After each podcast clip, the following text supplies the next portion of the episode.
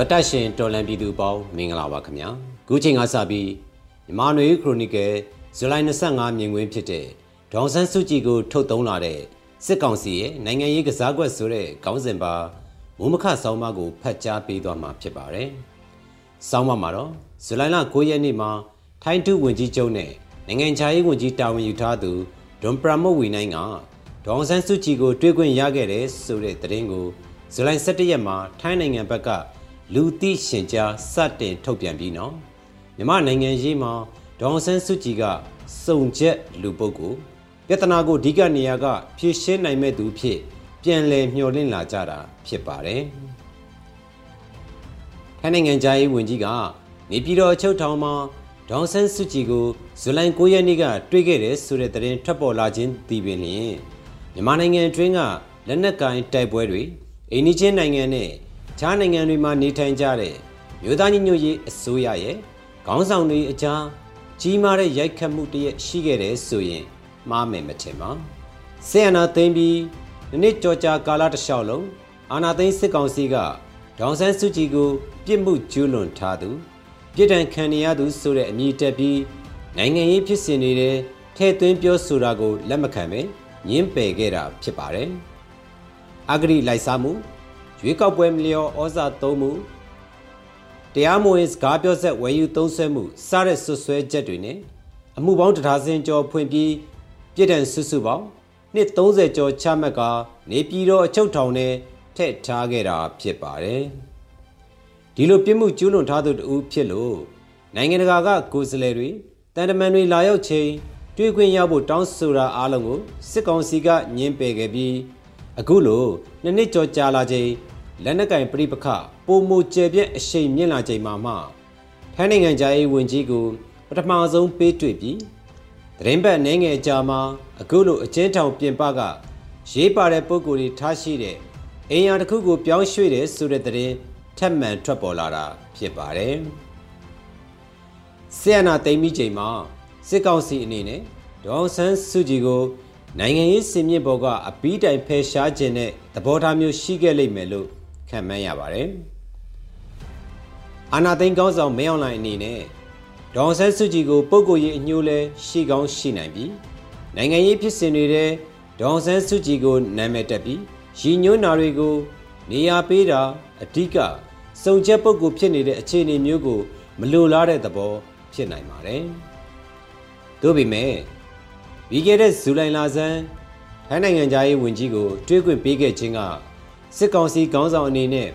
လက်ရှိလက်နက်ကင်တိုက်ခိုက်မှုတွေကိုအရှိန်လျော့သွားအောင်ဒေါန်ဆန်းစုကြည်အနေနဲ့ထိမ့်သိမ်းပြောဆိုဖို့ရေလာမြောင်းပေးဖြေလျှော့ပေးတဲ့သဘောဖြစ်လိမ့်မယ်လို့ကောက်ချက်ချရပါတယ်။ဒေါန်ဆန်းစုကြည်ကိုစစ်ကောင်စီကပြစ်ဒဏ်ချမှတ်ထားတဲ့အမှုတွေအားလုံးကလွတ်ငင်းခွင့်ပြုနေမှာလွတ်လွတ်လပ်လပ်နေထိုင်ခွင့်ပေးပြီး NLD ပါတီရဲ့ပြည်တွင်းမှာကြံနေသူတွေရဲ့ပါတီမှတ်ပုံပြန်တင်ဖို့လမ်းကြောင်းထိခွင့်ပြုမလားလို့တွေးကြည့်ရင်တော့အဲ့ဒီအခြေအနေမျိုးကအခုအနေထားမှာဖြစ်နိုင်စရာအလားအလာမရှိသေးဘူးလို့ဆိုရမယ့်သဘောပါဒေါန်ဆန်းစုကြည်ဘက်ကလက်ရှိဖြစ်နေတဲ့လက်နက်ကိုင်တိုက်ပွဲတွေရိပခတွေ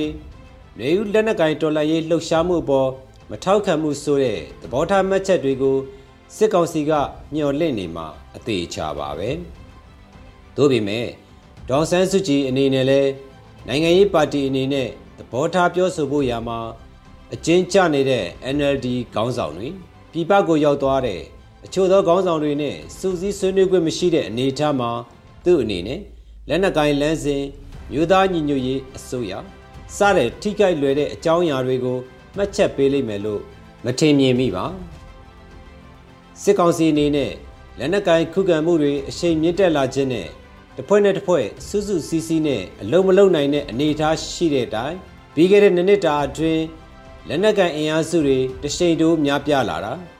အင်အားကောင်းတဲ့လက်နက်ဖြစ်စီအားကောင်းတဲ့လက်နက်မဟုတ်သည့်တိုင်မြေပြင်မှာပျောက်ကြားစစ်တိုက်ဖို့အတွက်လုံလောက်တဲ့မောင်းပြန်ရိုင်ဖယ်တနက်ကြီးတွေဆက်သွယ်ဝယ်ယူလို့ရလာနိုင်တဲ့အခြေအနေက စစ်ကောင်စီကို ထိတ်လက်တုန်လှုပ်စေနိုင်တာအမှန်ပဲဖြစ်ပါတယ်ဒီအခြေအနေမှာလက်နက်ကင်တော်လှန်ရေးလမ်းစဉ်အပြော့သွားအောင်လုပ်ဖို့အတွက်စစ်ကောင်စီရဲ့မဟာဗျူဟာကဒေါန်ဆန်းစုကြည်ကိုထောင်ချထားရာကနေအတိုင်းအတာတစ်ခုထိဖြေလျှော့ပေးပြီးလက်နက်ကင်လမ်းစဉ်ကိုအရှင်ရော့အောင်လုပ်ဖို့ရည်ရွယ်တာထင်ရှားတဲ့အချက်ပဲဖြစ်ပါတယ်အခုလိုနှစ်နှစ်တာအတွင်းကြေးရွာတွေနယ်တွေမှာသာမကမြို့တွေမှာပါ ရက်ဆက်တဲ့တပ်ဖြတ်မှုတွေလူခွင့်ရေးချိုးဖောက်မှုစစ်ရာဇဝတ်မှုစတဲ့ကျူးလွန်မှုတွေရှိနေတဲ့အခြေအနေနောက်ခံမှာလက်နက်ကင်လမ်းစဉ်ကိုရွေးထားကြတဲ့တော်လှန်ရေးတပ်ဖွဲ့တွေအနေနဲ့တော့ဘလို့ဆွေးနွေးညီနိုင်မှုစိတ်ဆက်မှုမျိုးကိုမှလုပ်လို့ကြမှာမဟုတ်ပါဘူးစစ်ကောင်စီတပ်တွေကိုအစုံးတိုင်အနိုင်ရရေးကိုသာပန်းနိုင်ထားပြီးဆက်လက်တိုက်ခိုက်လိုကြပါလိမ့်မယ်ကြေးလက်နဲ့မြို့တွေမှာနေထိုင်ကြတဲ့လူတွေတဲကအချို့ကတော့စစ်ဆက်ဆွေးနွေးရေးဆိုတာကို တစ်ချိန်ကြရင်ရွေးချယ်ကောင်းရွေးချယ်ကြရလိမ့်မယ်လို့ယူဆမှုတွေလည်းရှိနိုင်ပါတယ်လက်နက်ကင်တိုက်ပွဲတွေကကြေးရွာတွေမှာနေထိုင်သူတွေထွက်ပြေးတင်းရှောင်ရတာ